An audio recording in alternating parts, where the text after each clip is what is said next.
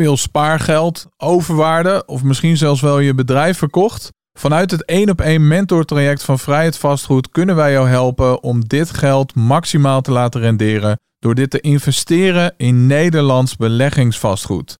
Tijdens het 1 op 1 traject ga jij in slechts een paar maanden tijd met je eigen mentor minimaal één beleggingspand aankopen. Wil jij meer informatie ontvangen over dit 1 op 1 begeleidingstraject? Stuur dan nu een e-mail naar info@vrijheidvastgoed.nl en dan spreken we je snel. De Zo Word Je Steenrijk podcast wordt mede mogelijk gemaakt door Nester Smart Finance, Financiering Regelen en Erafocus Makelaars. Ik denk dat ik of 17 was of 18. Samen met iemand anders verkochten we erotische artikelen. Stel, uh, ik zou 1% van een uh, aandeel in een uh, casino. Ah, dat, dat is, het is een casino die is ongeveer 350 miljoen waard. Ik dacht van, nou, dit, ik, ik heb een of andere gekke ziekte. Maar die gekke ziekte, dat was dus stress.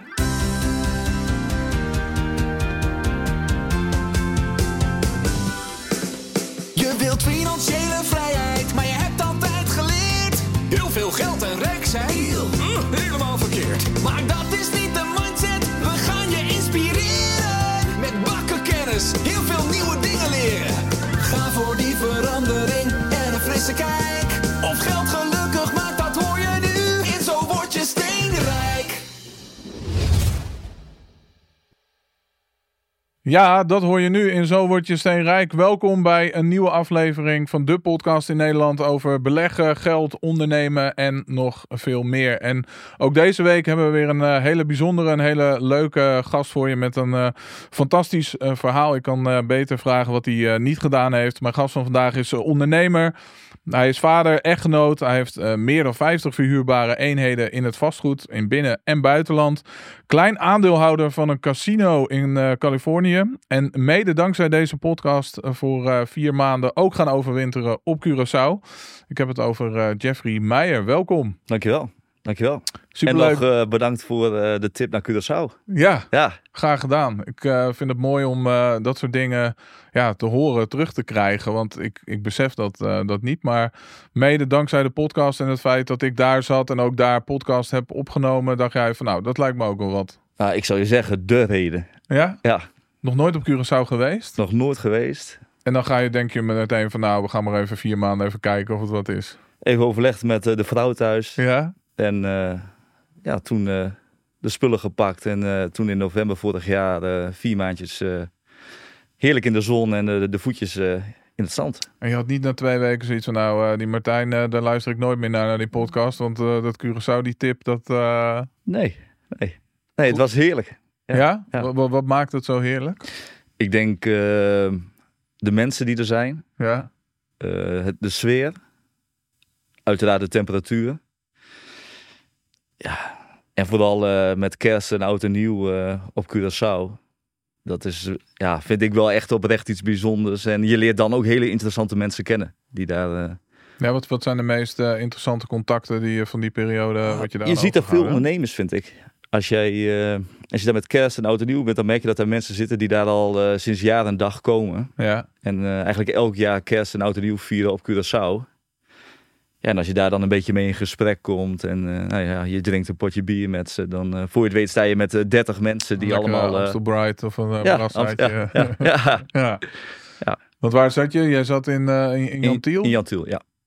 En waar leerde je die, die interessante ondernemers, hoe leerde je die dan eh, kennen? Hoe heb jij in die periode ja, Ja. contact eh, gemaakt dan? eh? Nou, eigenlijk zijn het hele simpele dingen. Dat, eh, ik weet nog, mijn zoontje die was eh, bij de opvang. Mijn eh, vriendin was volgens mij bij de kapper. Dus ja, dat moet ook gebeuren. Moet Zeker ook, eh, ja, als voor vrouw. hè, dan, ja, eh, ja. en, voor, eh, voor jou niet. nee, dus ik had een- klaar. ik had een makkie. Eh, maar eh, ja, er kwam iemand naast me liggen met... voor, voor de eh, luisteraars die er geen, geen beeld bij hebben, Jeffrey heeft niet veel, veel haar. Nee, het is weinig. ja, heel veel stress gehad. ja.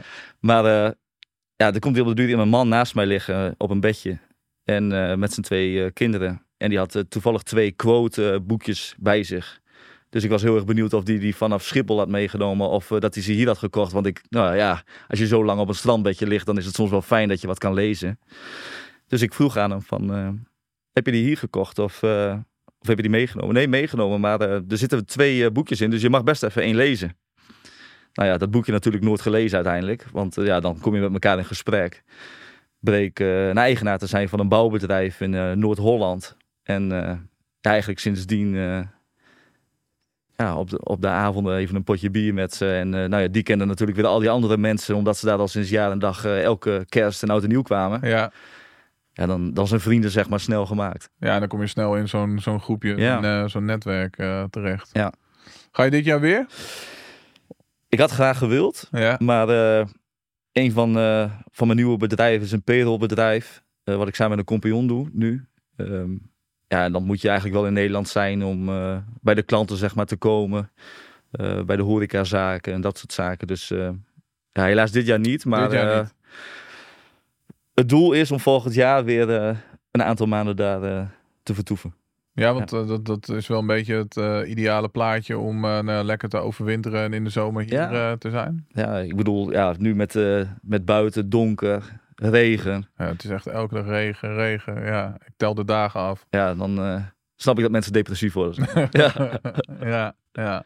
Maar hoe lekker was dat dat je gewoon die beslissing kan nemen? Want, want, je luisterde, de- hoe ging dat? Je, neem ons mee naar dat moment. Ja, ik, ik weet dat ik, ik luister de podcast altijd in de auto. Ja. Ben je echt een Ik- luisteraar van het eerste uur? Of, Eh, eh? wel zo goed als ja. ja. Ik denk niet dat er veel eh, afleveringen zijn die ik niet direct geluisterd heb. Zeg Ja. maar. Dus ja, en op de- je, hebt het, je gaf het toen al een paar keer aan en ineens viel gewoon zo'n soort van het kwartje. Dat, dat ik dacht van ja, waarom doen wij dat eigenlijk zelf ook niet? Dus eh, overleg met de baas thuis. Pas. Ja, En eh, het is overal hetzelfde. Hè? ja, je, je weet hoe dat gaat. Ja, maar Dus- die, de baas vond het ook een goed idee. die zag het wel zitten. Dus eh, Maar die heeft de banen ervoor zelfs moeten opzeggen, toch? Ja, die, ze kon niet vanuit, vanuit Curaçao werken. Ja, we hebben nog een kleine, dus dan wil je daar ook gewoon wel veel tijd aan, aan spenderen. Helemaal natuurlijk in een land als Curaçao dat je niet in Nederland bent. Ja. Dus die heeft toen haar baan opgezegd. En toen zijn we vertrokken. Heerlijk om eh, nou ja, die vrijheid voor jezelf verworven te hebben. Dat je dat soort dingen kan doen, hè? Ja, ja, ja. Dan zie je toch dat heel hard werken en offers brengen tijdens het werk. Beloont zich, zich soms, zeg maar, in dit soort... eh, Soms. soms, ja. het is natuurlijk niet altijd feest, maar... Nee. Hey, en eh, aangezien je luisteraar bent van het eerste uur, welke aflevering is jou het meeste bijgebleven en waarom? Oeh. Ik moet je zeggen, als er, hoeveel zijn er geweest? 112? Eh, ja, regulier. Dan, dan, dan nog even los van die hele serie op eh Ja, nou ja, eh, precies. ja. Ja, ik durf het je niet te zeggen. Nee. Weet je, het is, hoe ik het doe, is ik, het is verstand op nul in de auto en lekker luisteren wat er, of er nog tips komen van misschien een keer de volgende keer Bali of een ander eiland. Maar eh, Ja. ja, je gaat weer naar Curaçao. Ik ga weer naar Curaçao. Nee, ik had dit jaar ook graag ergens anders heen eh, willen gaan. Omdat ik er ook gewoon van hou om eh, nieuwe plekken te ontdekken. Maar nou ja, aangezien we de acht appartementen daar gekocht hebben, gaan we nu toch ook eh, nou ja, business en pleasure eh, combineren, zeg maar. Maar eh, nee, ik kijk er heel erg naar uit om eh, weer die kant op, eh, op te gaan. Nou, hoe lang ga je heen? We zitten in principe tot eh, begin maart. Dus eh, kleine drie maanden. En daarna is nog de bedoeling om ehm, naar eh, Zuid-Portugal te gaan. Daar hebben we wat vrienden die daar wonen. Om even te kijken hoe het, hoe het daar is. Maar ja, het is ook afhankelijk van hoe dat eh, project met de appartementen en de verbouwing daar eh, verloopt. Ja. Als het noodzakelijk is om langer eh, te blijven, dan hebben we die flexibiliteit gelukkig ook. Dus we hebben een ticket geloof ik, wat je een maand van Oh, tevoren ja. kosteloos nog kan, kan aanpassen. Ja. Dus ehm, nou ja, en gezien het tempo hoe alles nu tot nu toe verloopt, sluit ik niet uit dat het wat langer gaat, gaat, gaat worden. Maar ik laat me graag verrassen. Ja, Dus, ehm hey, top. Eh, Jeffrey, ja, als eh, trouw luisteraar van de podcast eh, weet je natuurlijk welke vraag nu gaat, gaat komen. Ben jij steenrijk? Of moet ik in jouw geval vragen, hoe steenrijk ben jij? ja goede vraag. Ehm, ik denk wel dat ik steenrijk ben, ja. Ehm, we hoeven ons niet druk te maken over geld. We kunnen doen wat we in principe willen. Ehm, en daarnaast denk ik dat als je niet te maken hebt met eh, hele enge ziektes eh, in je vriendenkring, en familie en je naasten, en dat gaat voor de rest allemaal goed, dan denk ik dat je wel mag zeggen dat je dan steenrijk bent, ja. ja. Ja. Dus jouw definitie is, eh, ja, in financiële zin, maar Ja, het hele plaatje. Kijk, so, de, de, steenrijk, ja, ik denk dat het voornamelijk financieel is. Maar zodra je ziek begint te worden, dan is dan zijn de financiën natuurlijk niet heel belangrijk meer. Nee, Ik bedoel, dan, nee. Dus, eh, maar goed, zolang je dan wel gezond bent, ja, dan is een beetje geld is wel fijn. Ja. Ja, want wat is jouw visie daarop? hè? Ze zeggen vaak, ja, gezondheid is niet eh, te koop. Is dat eh, waar volgens jou? Of Tot in zoverre zeker, ja. ja. Ik, Alleen- ik weet niet, kijk, ik denk dat. eh, weet je, mensen die echt heel weinig geld hebben en bijvoorbeeld niet varie- gevarieerd eten, eh, geen abonnement voor een sportschool hebben, eh, geen nieuwe hardloopschoenen kunnen kopen terwijl ze wel willen hardlopen en daardoor niet gaan hardlopen. Nou ja, dat heeft natuurlijk ook te maken met geld en dus ook je gezondheid. ja. Dus sommige dingen Ja, zijn wel te koop. denk het wel. Ja. gezondheid. Ja. Maar ja, goed, je, voorkomt Het gaat natuurlijk tot je- zover, ja. dat is tot een bepaalde hoogte. Ja. Ja, ja. Hey, neem ons eens mee, eh, want, want je bent eh, nou ja, eh, pas 30. Ik zette je net al neer in de, de introductie. Heel veel verschillende dingen gedaan. Daar heb ik nog niet eens alles genoemd. Dus we gaan nog meer dingen Ja. bespreken. Neem ons eens mee naar je jeugd. Wat heb jij vroeger meegekregen over, over geld, over ondernemen, dat soort dingen? Ehm, geld en ondernemen, ik denk relatief weinig. Eh, wel dat het belangrijk is om hard te werken, je verantwoordelijkheden te nemen. Eh, en ik denk dat dat er wel voor heeft gezorgd dat ik eh, soms misschien net een stapje harder zette dan een ander. En dat als eh, je normaal gesproken acht uur op een dag werkt, dat het soms ook niet verkeerd is om daar eens een keer 12, 14 of 16 uur van te maken. En ik denk dat ik dat vanuit vroeger wel heb meegekregen. En is dat dan vooral vanuit je gezin, ja, je ouders? Of gewoon Ja, vanuit bijvoorbeeld, nou ja, bijvoorbeeld eh, ik denk dat mijn vader bijvoorbeeld, die, eh, eh, die, die werkte fulltime 40 uur in de week. Maar die draaide daarnaast bijvoorbeeld ook best wel wat overuren in sommige periodes van het jaar. Waarbij wij als gezin dan vaak niet samen waren, omdat hij dan aan het werk was. En ik heb laatst nog wel eens een keer daar een gesprek met hem over gevoerd. Van ja, hoe, hoe vonden wij dat dan als gezin zijnde? En pas toen kwam weer het moment dat, je erachter kwam dat hij er niet op dat soort momenten was, terwijl je er eigenlijk geen last van hebt gehad. Weet je, normaal denk je best wel snel van, ja, weet je, ik ben dan weinig thuis. Eh, zullen mijn kinderen daar dan misschien last van hebben, de ja of de nee? Nou, en voor mijn ervaring spreek ik dat ik eh, daar totaal geen last van heb gehad eigenlijk. Zeg maar, dat, dat, ja, dat was gewoon zoals het was, zeg maar. En dan op de verjaardagen en eh, in de weekend en zo was hij het en dan was er niks aan de hand. Weet je, alleen, ja, ik, ja, ik denk dat dat, eh, ja, dat dat wel vanuit vroeger is meegekomen. Zeg Maar was hij ondernemer? Nee, nee, nee. nee. Van Hij werkte gewoon voor een werkgever. Voor een werkgever. Ja. Dus qua ondernemen, zo eh, in principe weinig. Ja. Maar ik wist al wel heel snel, eh, ik denk dat ik een jaartje of nou, misschien 14, 15 was, dat je een supermarktbaantje had.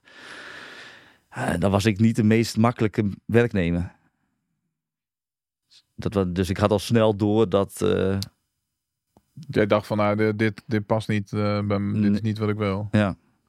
Ja, dus ja, dan, eh, ja, dan blijft er niet heel veel anders over dan, dan moet je het zelf maar doen. Ja. Dus eh, ja, dat eigenlijk vanaf het begin af aan toen gedaan.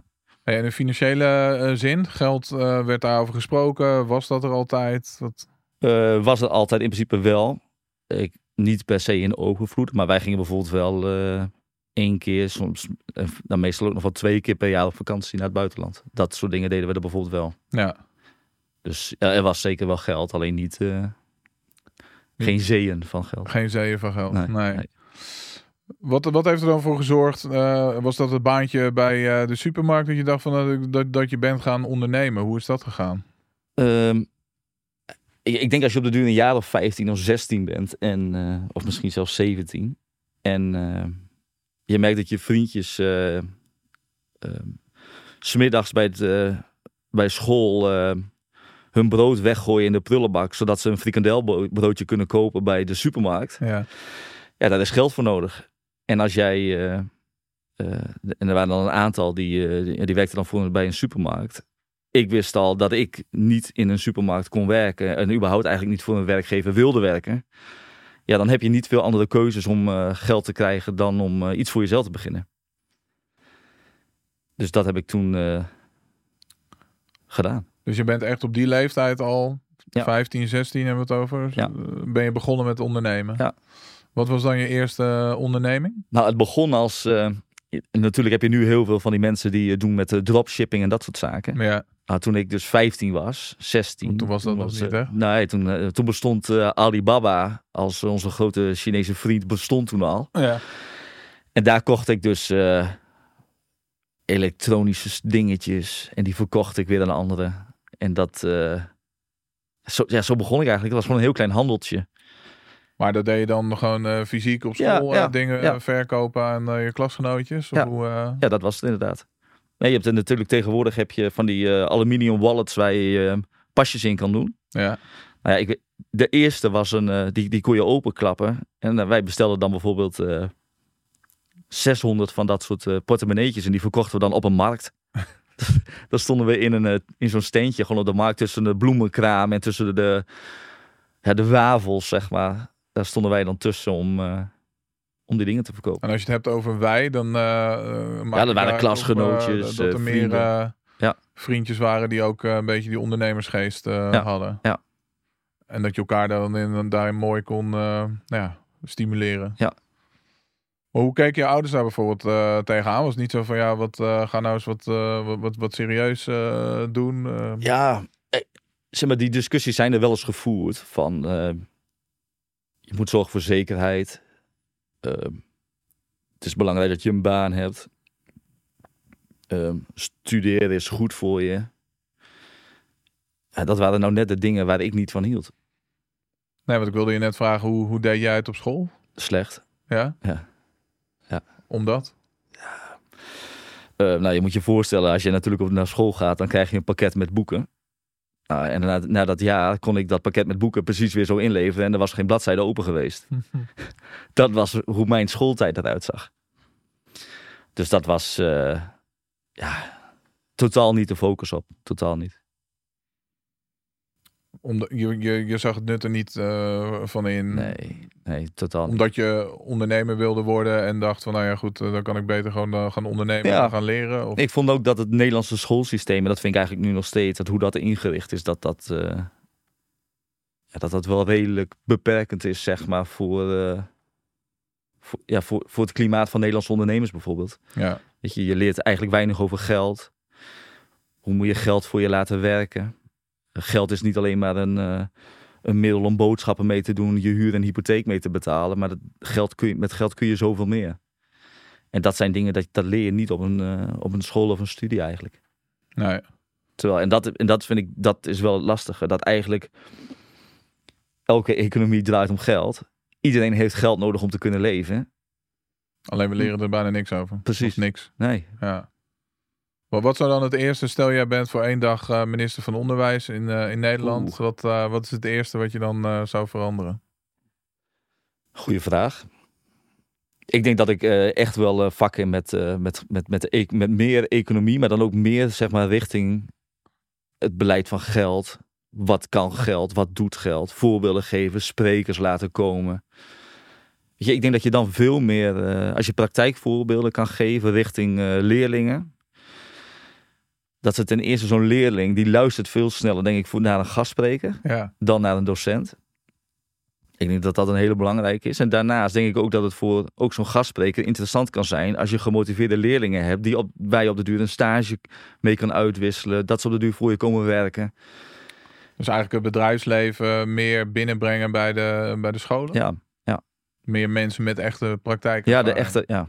Dus niet een, een eh ja docent een e- economie die eh, zelf niks eh, qua beleggen doet. nou ja, exact. Ja. Dus, ehm, oké. Hey, en je zegt van ja, geld is zoveel meer dan om de kosten mee te, te betalen. Je kan daar zoveel, zo- zoveel meer mee. Wat, wat is geld dan voor jou? Ik denk dat dat gewoon zorgt voor een stukje vrijheid van je eigen leven. Ik denk dat als jij eh, geld op de duur voor je laat werken en je begrijpt zeg maar, hoe dat een beetje werkt, dat, eh, dat je je eigen leven en misschien ook wel mensen om je heen het leven gewoon een stuk makkelijker kan maken. En ook een stuk fijner. Het is gewoon eh, je, dat je niet bij de supermarkt hoeft na te denken over eh, wat je koopt. Is toch, is toch dat zou iedereen eigenlijk moeten hebben in Nederland. En, en het is, terwijl er nog zoveel armoede is in Nederland, dat ik denk van ja, het het is ongelooflijk. Ja. Mede doordat we er eh, gewoon niks over, eh, over leren. Ja. Ja. Weet je, en helemaal als je... Ze zeggen natuurlijk niet voor niets. Begint gewoon zo jong mogelijk met, eh, met bijvoorbeeld beleggen. Spaar je spaargeld op en probeer daar een keer een, inderdaad een pandje van te kopen. Ik denk als je dat soort dingen op, op jonge leeftijd een beetje meekrijgt. En mensen gaan voor dat als doel zijnde. Dan werken ze ook in een supermarkt en niet meer voor om, om een frikandelbroodje te kopen, zeg maar, in de middag. Maar dan werken ze daar met als doel. Als ik dit lang genoeg doe, dan kan ik straks dit. En dat zorgt weer voor dat. Ja, En een dat beetje, is- beetje van eh, koop niet een nieuwe iPhone, eh, koop aandelen Apple. Bijvoorbeeld, ja. Dan kan je daarna zoveel iPhones kopen als je, als je wil. Ja, Ja. Ja. Hoe is dat dan ehm, eh, verder eh, ge- gegaan van die, eh, nou ja, die dingetjes van Alibaba, die wallets, naar waar je, waar je nu staat? Want Ja. daar zit natuurlijk een hoop nog tussen, daar komen we zo op. Nou ja, wat, ja, ik denk dat je op den duur, zeg maar, het begint natuurlijk gewoon allemaal een beetje op mond tot mond. En dan op de duur, ja, bouw je eens een keer een websiteje waar wat producten op komen te staan. En dat, ja, dat gaat van het een naar het andere en dat wordt steeds wat groter. Totdat je op de duur weer me- andere mensen lid kennen. Die eh, een beetje dezelfde gedachtegang hebben. En als je daar dan vervolgens weer een bedrijf mee kan opstarten. Wat totaal iets anders kan zijn overigens. Hoor. Dat hoeft helemaal niet met een webwinkel te zijn of wat dan ook. En je bouwt dan met z'n tweeën weer naar een soort volgende hoofdstuk in je leven. Ja. Ja, dan. eh, ik denk dat je dan wel ver kan komen, zeg maar. Wat was dan je eerste, zeg maar, serieuze bedrijf? Het allereerste, toen was ik denk ik een jaar of. eh, ik denk dat ik of 17 was of 18. Samen met iemand anders verkochten we erotische artikelen. Dat is ook iets eh, voor die leeftijd. eh, ja, je moet er maar, eh, maar opkomen. Ja, ja, ja. Hoe was je daarin gerold dan? Poeh. Volgens mij kwam dat toen uit. mm, volgens mij hebben we toen met klasgenoten daar het wel eens over gehad. Wat voor marges, of er ook marges op dat soort producten zouden zitten. Eh, ja. Nou ja, en als je dat op de duur een beetje uitzoekt. En je, nou ja, dan kwam je erachter dat daar wel marges op zaten. ja. Nou, dan moet je op zoek gaan naar een leverancier. Nou, toevallig hebben we in Nederland een vrij grote eh, erotische leverancier, een groothandel. Dus nou ja, daar toen eh, daar kon je je bij aanmelden. En mocht je hun eh, artikelen verkopen, en dan verkocht je dat uit jouw naam. Hun verzenden naar de klant direct die dag erna. En je kreeg daar, eh, er zat een marge tussen. Dus dat was eigenlijk dropshipping. Dat was eigenlijk dropshipping, ja. Ja. Ja. Dus ik denk wel dat je dan, eh, nou ja, tot een van de eerste in Nederland eh, behoorde die daarmee bezig waren. Ja, mis- ja. ja, ik weet dat die groothandel is daar, ja, die, deed, die, die bood dat op dat moment al aan. Dus ik denk, ja, weet je, daar kon je in die tijd gewoon makkelijk op inspringen. En ja, dat, was, dat, hoefde je, dat was geen hogere wiskunde. Nee, maar dan ben je 17, 18, dan woon je neem ik aan nog thuis. Ja.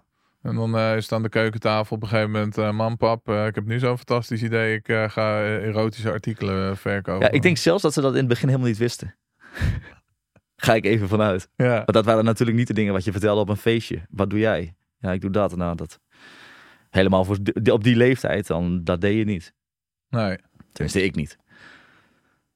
Nou ja, dan, nou ja, dat hebben we denk ik in eh, anderhalf jaar gedaan. En toen eh, dachten we van, nou weet je, we moeten misschien naar een wat normale product toe. En toen gingen we dus van eh, dat soort artikelen naar brandblussers, Dat is een hele logische stap. toch? Ja. Ja. ja, als dingen oververhit worden door de sextoys, dan heb je dan een blusser nodig. Ja, dus ja, hadden we wat van die schuimblussers. En, Ja. Dus dat hebben we daarna nog een tijd gedaan. En eh, nou, dat, daar ben ik op de duur mee gestopt. Dat, dat werkte op de duur niet meer met, eh, met, met die compagnon. En eh, nou, dan, dan gaan we een hele stuk in de tijd. Toen was het ongeveer 2015, 2016. En daar leerde ik iemand kennen. Dat is nog steeds een compagnon van mij met een paar van bedrijven van mij. En ja, toen werd het zeg maar serieus.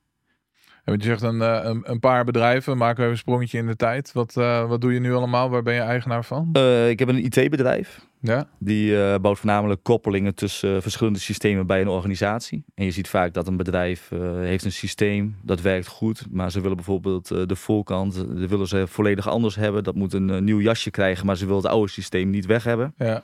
Nou, de koppelingen zeg maar, die daartussen zitten, dat bouwt een ICT-team bij ons. Dat doen we. we ik heb nog een payrollbedrijf, dus het verlonen van, eh, van werknemers.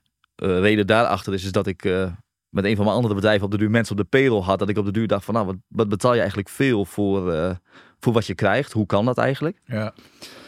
En toevallig was een van mijn beste vrienden fiscalist bij een, een van de grotere accountantskantoren hier op de wereld.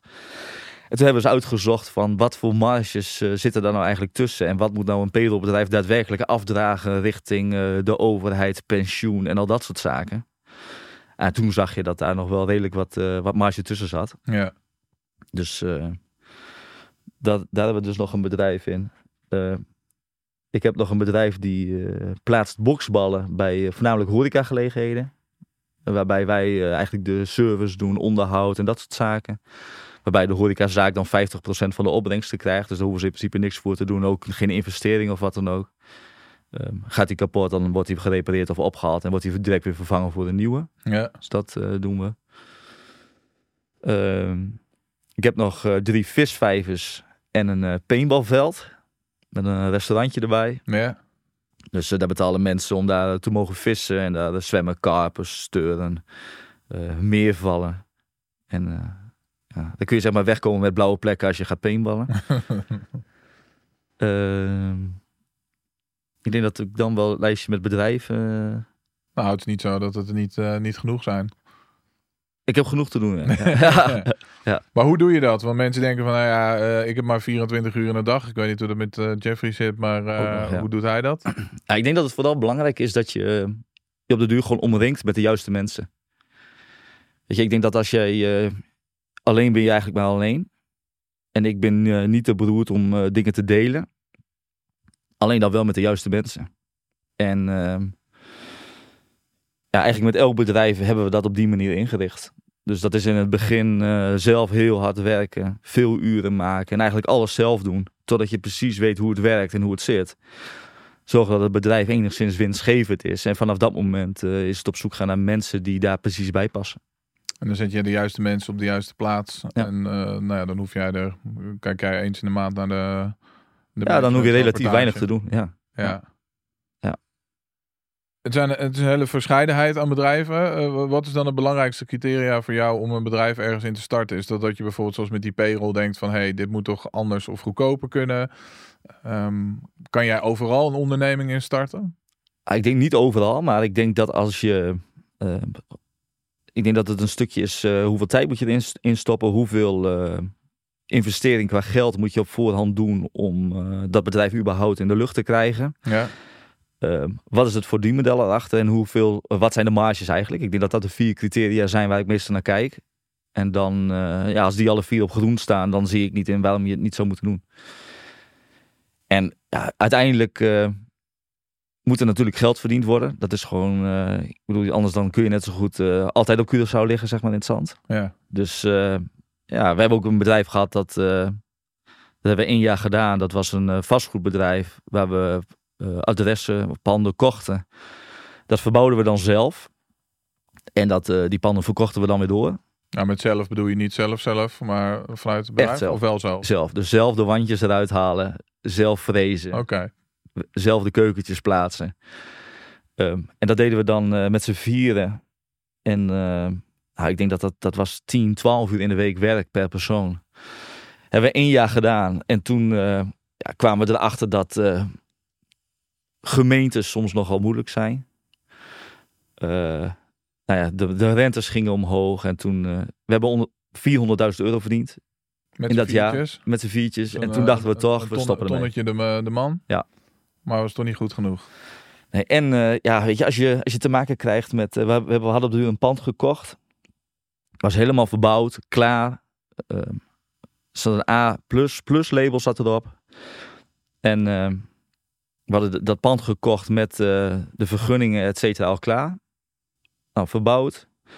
En er komt iemand van de gemeente, zo'n inspecteur, die komt langs. En die meet een van die voorste studio's, bouw, meten ze op.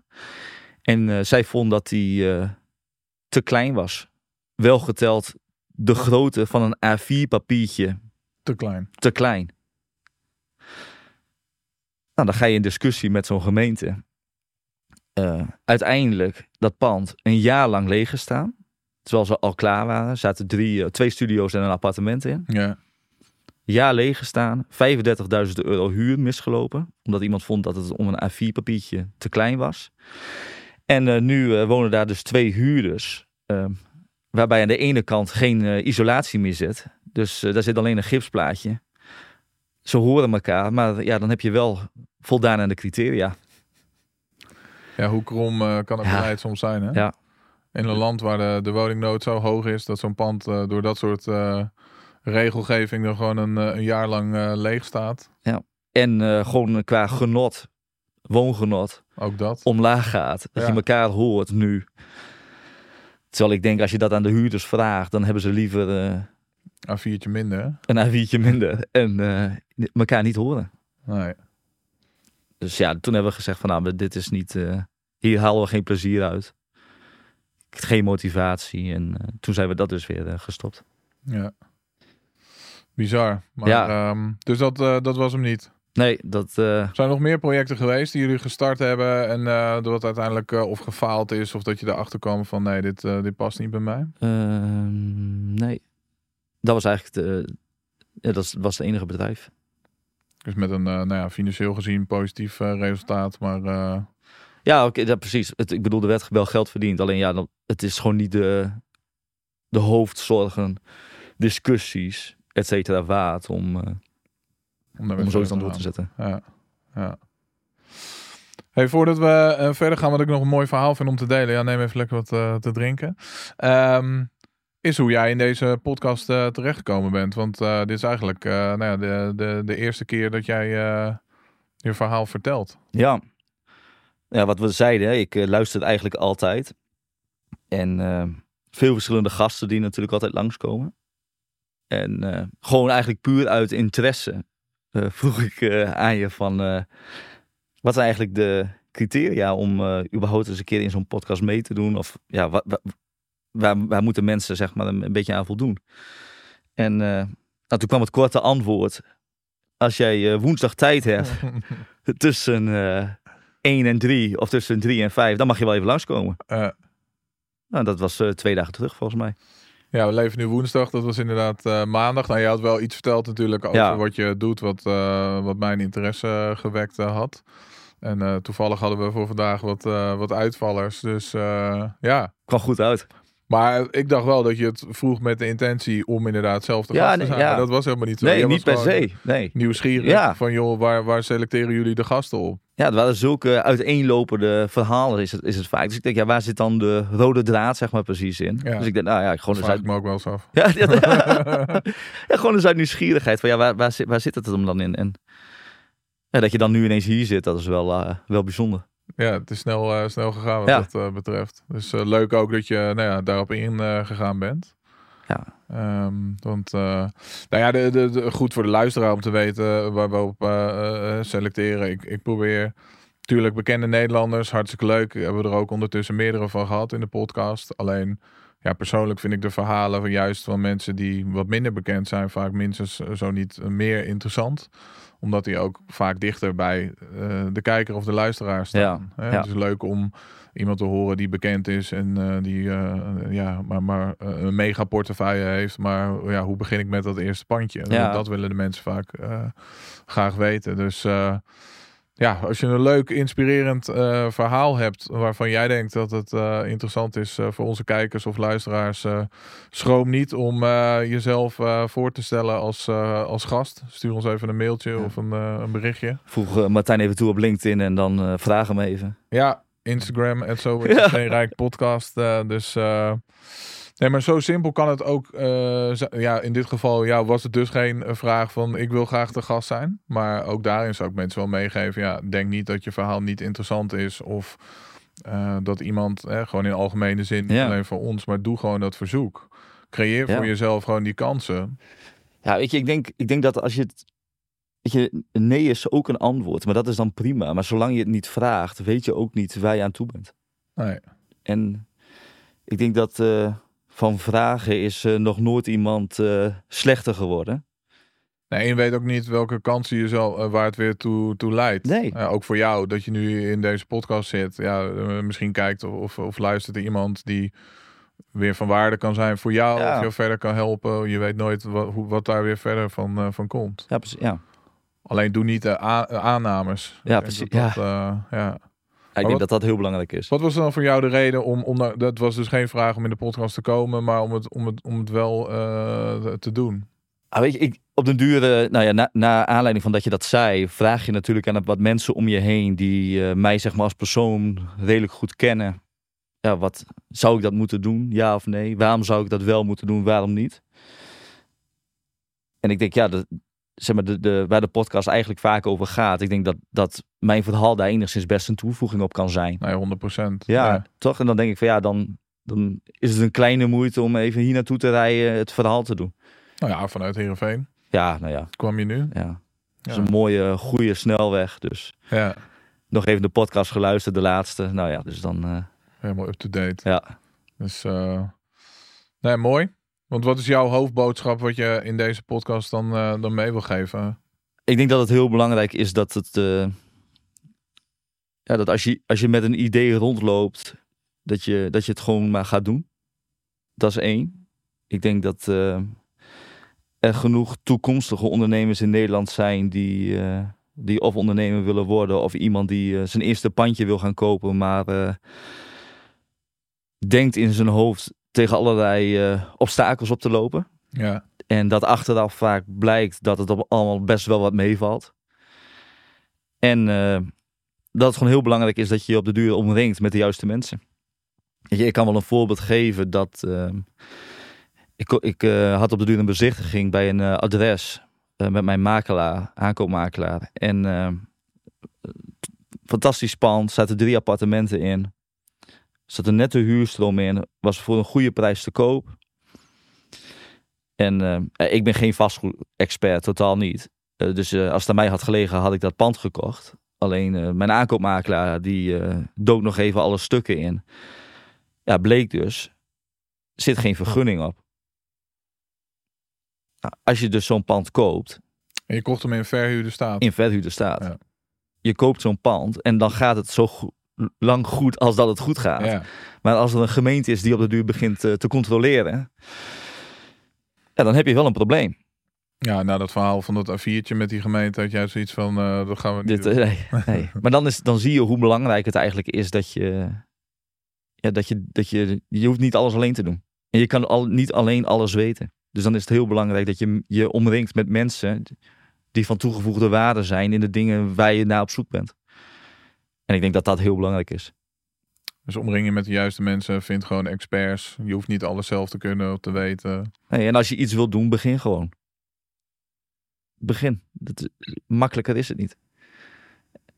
Want wat is dan jouw, jouw boodschap voor? Want er zijn genoeg mensen die met eh, ideeën rondlopen. Er zijn genoeg mensen in Nederland die in loondienst zitten, die eh, die droom hebben om ooit eens voor zichzelf te beginnen, maar dat dan toch niet doen of toch niet, niet Nou, durven. Ik, ik kan wel een ander voorbeeld geven. Ehm, dat payrollbedrijf bijvoorbeeld. Ik had een, eh, bij een ander bedrijf van mij hadden wij medewerkers in- aan het werk. Die verloonden wij ook via een payrollbedrijf. Op de duur dacht ik van, nou, volgens mij is dat best prijzig voor wat je krijgt. Hoe kan dat nou? En dan kun je vervolgens dus uitzoeken van, eh, nou ja, wat zijn dan daadwerkelijk de kosten voor een eh payrollbedrijf om eh, zo'n werknemer te verlonen. Toen dacht ik, oké, hoe kun je hier nou een organisatie mee starten? zodat je kan concurreren met andere payrollbedrijven. Nou, wat wij bijvoorbeeld gedaan hebben, en het is in mijn ogen super simpel, maar eigenlijk heel erg effectief. Je hebt natuurlijk een stukje service, kwaliteit van het systeem en dat soort zaken. En als je dat allemaal op orde hebt, en je kan bijvoorbeeld vervolgens eh, bij de klant een redelijk makkelijk verhaal neerleggen, en zo, zo, zo doen wij dat. Stel je hebt, je hebt op dit moment eh, tien werknemers aan het werk. En eh, die tien werknemers die verloon je via een payrollbedrijf. En dat payrollbedrijf die rekent een factor. En dus je hebt bijvoorbeeld een medewerker die, die eh, krijgt 10 euro in het uur aan loon. ja, Dan moet bijvoorbeeld de horecazaak die betaalt 17 euro per uur aan het payrollbedrijf voor de verloning, belastingen, eventueel pensioenopbouw, dat soort zaken. Dus een werknemer krijgt een tientje. Payrollbedrijf factureert 17 euro. Nou, daar zit een marge tussen. ja, Wat wij dus bijvoorbeeld doen, is wij kijken per werknemer waar diegene recht op heeft. Dus hebben ze recht op pensioen, ja of nee, al dat soort zaken. Dan komen we bijvoorbeeld op een, op een factor van eh, 1,5. Dus dan is het voor elke 10 euro kost het eigenlijk 15 euro 15 euro, aan ja. echte kosten. ja. betekent dat er een marge van 2 euro tussen zit. Dat delen we ene kant is dus die andere euro is onze marge. En die andere euro is de besparing voor die ondernemer. Ja, dat is een mooi... eh, Een super simpel verhaal, Ja. super effectief. En dan scheelt het je altijd geld. maar ik kan me voorstellen dat jullie in de payrollwereld dan geen eh, vrienden maken. Zit Ja. je daar niet om te doen? Nee, ja. Weet je, ik bedoel, eh, je kan nagaan als je nu een horecazaak hebt en je hebt er net de corona achter de rug bijvoorbeeld. Ja, dan, dan heb je het wel zwaar. Dan hoef je het met een payrollbedrijf niet per se geen medelijden mee te hebben, zeg maar. Nee. Nee, en 1 euro per werknemer per uur. Dat, eh, op jaarbasis eh, is dat natuurlijk een mega verschil. Ja, dat, dat, dat- je praat over duizenden euro's eh, per jaar, zeg maar. Ja. Dus zo, zo, zo simpel kan het eigenlijk zijn. En direct heb je iets wat super effectief is. Weet je, bijvoorbeeld met die boksballen, hetzelfde verhaal. Ik heb die, dat, die visvijvers en ik werd op de duur gebeld. Wij, eh, wij eh, plaatsen boksballen. Ik zei, oh interessant, ja. En eh, Ja. ik zeg, oké, hoe gaat het dan in zijn werk? Nou, wij plaatsen dat, dat apparaat. En dan is het zo dat elke maand komen we dat, dat apparaat legen. De eerste 100 euro is voor de organisatie van de boksbal. En daarna is het 50-50. Dus dan krijgt de horecaondernemer of de, de kroeg of wie dan ook krijgt 50%. Ja. Nou, dan ga je vervolgens eens kijken wat voor, wat voor leveranciers zijn er nou eigenlijk eh, die dat soort dingen produceren. Nou, wij kwamen duur bij de leverancier uit waar die boksbal gemaakt is. Kijken wat daar de kosten van zijn. En toen dachten wij van oké, maar als we die dingen dan dus inkopen, kunnen we dan iets eh, geven aan de ondernemer wat op het moment beter is dan wat, waar ik het nu voor gekregen heb. Ja. Dus wij doen, in plaats van dat het om die eerste 100 euro voor ons is, doen we gewoon vanaf het moment af aan 50% voor ons, 50% voor de horecaondernemer. Ja. Super simpel. Wel 140 boksballen in allerlei kroegen en zo staan. Dat is een bedrijf die is anderhalf jaar geleden begonnen. Ja. En ik denk dat je zo, als je, als je zo praktisch zeg maar naar dingen kijkt, en dan kun je in best wel veel dingen een bedrijf starten wat uiteindelijk een succes wordt. Alleen je moet het wel doen. Ja. Ja, het is wel echt eh, een beetje de... Ik, ik vind het mooi, eh, die, die, die diversiteit. Het is een beetje de, de Pipi Langkous eh, mentaliteit van... eh, Ja. Ik heb het nog nooit gedaan, dus ik denk dat ik het wel kan. Maar ik denk dat de mens ook in best veel in staat is. Ja, 100%. Veel meer dan dat mensen denken of, of, of geloven. Alleen dan heb je nu, als ik even snel tel, een, een, een stuk of vijf verschillende bedrijven. Ja.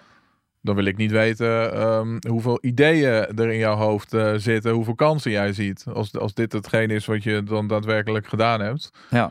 Dan kan ik me voorstellen dat jij eh, misschien zelfs hier denkt van, eh, joh, je moet, ik kan dit zo doen of ik zie een kans. Of Ja, dat, ja, dat, ge- dat gebeurt veel ja, in mijn hoofd. Ja, dat lijkt me druk. is het ook. ja. Ja. En hoe bepaal je dan van ja, dit idee ga ik wel wat mee doen en die laat ik, die parkeer ik even voor later of daar gaan we niks mee doen? Ehm, een van de criteria wat ik bijvoorbeeld heb voor het oprichten van een bedrijf is ik doe het nooit alleen. Ik vind het altijd prettig om met een compagnon zoiets te doen. Heb je één vaste compagnon? Of, Eh, nee, wel verschillende. Ja. Eentje waar ik het meeste zeg maar, mee heb, maar daarnaast met een paar bedrijven ook wel wat andere compagnons. Ehm, dus dat, dat vind ik eigenlijk een, eigenlijk een hele belangrijke. Dat je het eh, met iemand doet waarvan jij denkt eh, dat diegene goed bij je past. En ook bij dat bedrijf echt van toegevoegde waarde is. Ja. Bijvoorbeeld dat eh payrollbedrijf, dat is, dat is een idee. Daar loop ik al, eh, ik denk een jaar of eh, zes mee. Nooit de echt de juiste persoon tegengekomen waarvan ik dacht, dit is het. Tot dus nu. En dan haal je dat idee weer van de plank. En dan eh, begint het nadenken van, ja, hoe gaan we dat dan inrichten? Welke software eh, organisaties gaan we daarvoor gebruiken? Doen we dat extern? Doen we dat intern? Dan is het inlezen in cao's en dan begint, eh, ja, dan begint het. ja. Hey, wat, eh, je hebt eh, nou ja, die, die, die goed lopende bedrijven, dat levert op een gegeven moment een leuke cashflow op als, als alles goed gaat. Ehm, dat is een luxe probleem, denk ik. Dan ga je dat op een gegeven moment over nadenken hoe je dat kan, kan investeren en dat geld weer voor je aan het werk kan zetten. Ja, ja dan is het, als je natuurlijk op de duur een bepaalde hoeveelheid geld verdient, dan wil je op de duur iets met dat geld gaan doen. En eh, ja, wij- ik ben niet van eh, de hele dure reisjes, eh, luxe auto's en al dat soort zaken, zeg maar. Nee, En nou ja, dat je vanaf jongs af aan al wel leert dat geld. is dat een beetje Groningse nuchterheid? ja, ik denk Ja. dat als je in het noorden komt, dat dat wel, ja, dat dat er wel in zit, zeg maar, bij de meeste Wordt dat mensen. ook niet gewaardeerd als je er wel heel erg, nou ja, te koop loopt met wat je hebt? Ik denk dat het sowieso eh, in Nederland wel anders werkt dan in andere landen. Dus eh, Ook dat leren we niet, hè? Om dat te, eh, Nee. te waarderen, om daar uh, nou ja, Ik heb blij een paar- te zijn voor ja. iemand anders. ik heb een paar eh, Amerikaanse vrienden die eh, hebben ju- juist respect voor, zeg maar, als je, als ik of een van, eh, van hun, zeg maar, bijvoorbeeld een deal binnenhaalt. En eh, als je dat hier denk ik op een verjaardag vertelt, dan eh, ja, wordt dat vaak niet in dank afgenomen. Dus dat is wel een hele andere manier van, eh, van communiceren eigenlijk. Ja. Ja. Maar dus die- ja, dan moet, dan moet je, ja, op de duur moet, moet je het ergens, eh, of nou ja, je moet, eh, op de duur heb, heb ik het in ieder geval geïnvesteerd. ja. En ja, dan ga je kijken wat zijn dan de mogelijkheden. Nou, dan kom je al snel in, dit, dit praat ik in 2016, 2017, ja, 2017, 2018 dat dat begon. Ja, dan kom je bij eh, vastgoed terecht, je komt bij aandelen terecht, je komt, eh, dat was een beetje in de tijd volgens mij dat eh, met bitcoin en zo, dat dat toen ook helemaal happening was. ja. En ik dacht van ja, vastgoed is natuurlijk wel iets dat, dat heeft zich al wel bewezen. kan je wel zeggen. Ja. Ja, dus toen heb, heb ik de eerste drie jaar van de winsten wat wij draaiden, heb ik toen adressen van gekocht. En ja, die adressen heb ik nu nog steeds. En eh, dat heb ik eigenlijk tot en met 2021 gedaan. Ja, en toen eh, werd er natuurlijk superveel geld bijgedrukt door eh, onze vrienden van de centrale banken. ja. En eh, toen dacht ik wel, nou, ik weet niet of dit per se goed gaat. Toen gingen de rentes omhoog en toen eh, de keuze gemaakt om niet meer in vastgoed eh, te investeren. Ja. Je hebt inmiddels een, een portefeuille in Nederland eh, van, van meer dan 50 eh, verhuurbare eenheden. Dat gaat van eh, kamers, garageboxen, appartementen, studio's, massagesalons zitten ertussen. Ja, ik ben er geen klant overigens bij zo'n massage. Maar, nee, nee, natuurlijk niet. ja. Dus ja, dat, dat in, in die periode gedaan. En toen de rentes wat omhoog liepen, toen, ja, toen zijn we daar, ben ik daar eigenlijk mee gestopt met het kopen van, van woningen. ja, maar ja, wat dan? Want eh dan dat ga je op zoek dat, blijft maar binnenkomen. Ja, dan ga je op de duur op zoek naar. eh, nou, dan heb je nog aandelen. Ja, weet je, als er zoveel geld bijgedrukt wordt en de hele markt staat eh, op de all-time highs, om het zeg maar zo te zeggen. Zowel de S&P 500, Nasdaq, de, Nederlandse, de Nederlandse beurs. Dus dat leek me ook niet heel verstandig. En toen leerde ik met enige geluk een paar mensen kennen die voornamelijk via de blockchain investeren in bedrijven over de wereld. Dus dat eigenlijk de- het systeem, de blockchain, dus waar al die munten, die crypto's zeg maar op draaien, Ja. eh, gebruikt werden om eh, makkelijk geld te verschuiven van, eh, van Amerika naar Dubai of van, van Nederland naar Hongkong of noem het maar. Ja. En ja, daar zijn we eigenlijk, ben ik eigenlijk de laatste jaren voornamelijk mee aan het, aan het investeren. Dat doen we met z'n zeven in totaal. Dat zijn vijf Amerikanen. Eentje die woont in Dubai en ik dan. Dus met z'n zevenen zijn we dan. Ja. En daar komen eigenlijk vaak mogelijkheden uit de netwerken, voornamelijk van die Amerikanen, die man uit Dubai voorbij, waar, eh, die wij zeg maar als, groep, als groep beoordelen en op basis daarvan kiezen of we daar gaan in investeren, de ja of de nee. En hoe moet ik dat voor me zien? Is dat een eh, WhatsApp eh, groepje? Of komen jullie eens in de zoveel tijd online? Ja, het is eh, eh, het verschilt meeting? eigenlijk. Of eh, zien jullie elkaar ook wel eens eh, fysiek? Ja, wij, eh, ik ben, het was in mei of juni ben ik nog eh, even naar Londen geweest om met eh, twee van de zes anderen zeg maar te spreken. En eigenlijk spreken we elkaar gewoon dagelijks. En dan eh, gaat het meestal gewoon over de projecten waar we op het moment in zitten. Als er weer uitbetalingen zijn, dan is het natuurlijk daar hartstikke druk in die groep. Want dan, eh, ja, dan worden de rende- rendementen zeg maar, weer uitgekeerd van de projecten waar we dan eh, op dat moment in zitten. En eh, zo heeft ieder zeg maar een beetje zijn eigen eh, verantwoordelijkheid zeg maar, per project. Ja. Dus En dat gaat- verdelen echt verdelen de, de, de taken per project onderling. Ja. Ook op basis van expertise. Ja, zeker. Ja. Ja. Dus eh, ja, om een voorbeeld te geven bij eh, wat je ook al in de intro zei, was dat casino. Dat is een casino dat zit eh, onder een hotel in Californië. En eh, een, een man was daar eigenaar van voor 1% wel te verstaan. En eh, die kwam te overlijden. En eh, die familie die wou eigenlijk wel van dat, eh, van dat aandeel af. Nou, toevallig was een van die Amerikanen die was goed bevriend met die zoon. En nou, dat werd dus voorgelegd bij ons als groep. En wij dachten, ja, dat is natuurlijk een unieke kans. Ja. Dus toen hebben wij ook met z'n zevenen, zeg maar, dat, dat, die 1% eh, aangekocht. En waar heb je het dan over qua investering? Eh, stel, eh, ik zou 1% van een eh, aandeel in een casino. Ah, dat, dat is, het is een casino die is ongeveer 350 miljoen waard aan dollars. Dus het is ook wel een vrij groot casino. ja. Het zit ook bij, bij- echt wel in een groot, bij een groot hotel. Dus nou ja, gaat- het gaat wel om, ja, om, om serieuze bedragen. Zeg. serieuze bedragen. Ja. ja. Dus nou ja, dat, en we doen wat, wat vastgoed in Dubai en Bali voornamelijk.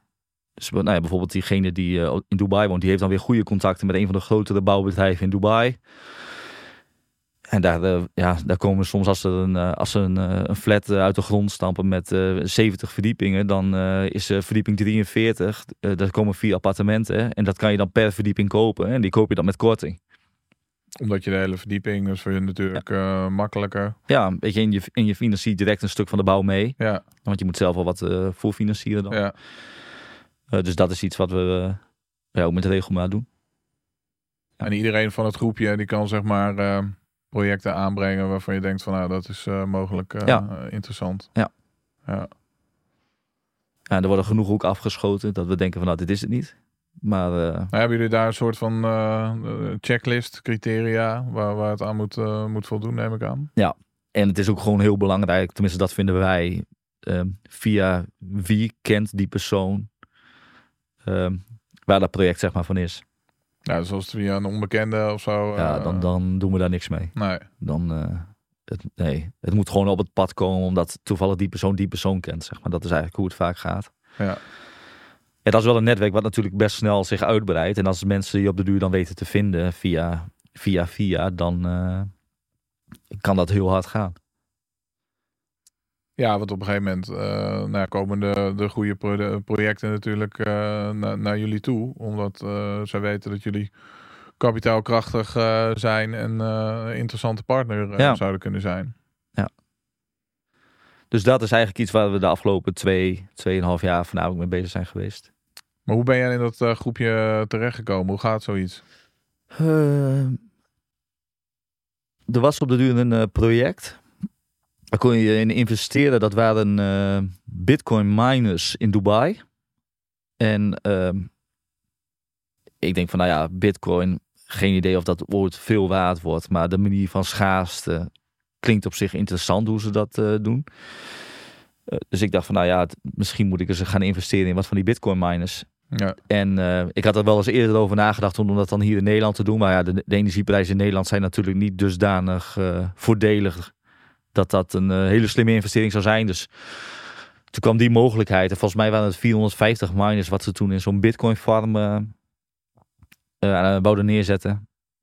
Dus daar heb ik toen in geïnvesteerd. Ja, en een van die mensen die dat oprichtte was toevallig dus die persoon uit Dubai die nu ook bij ons in die groep zit.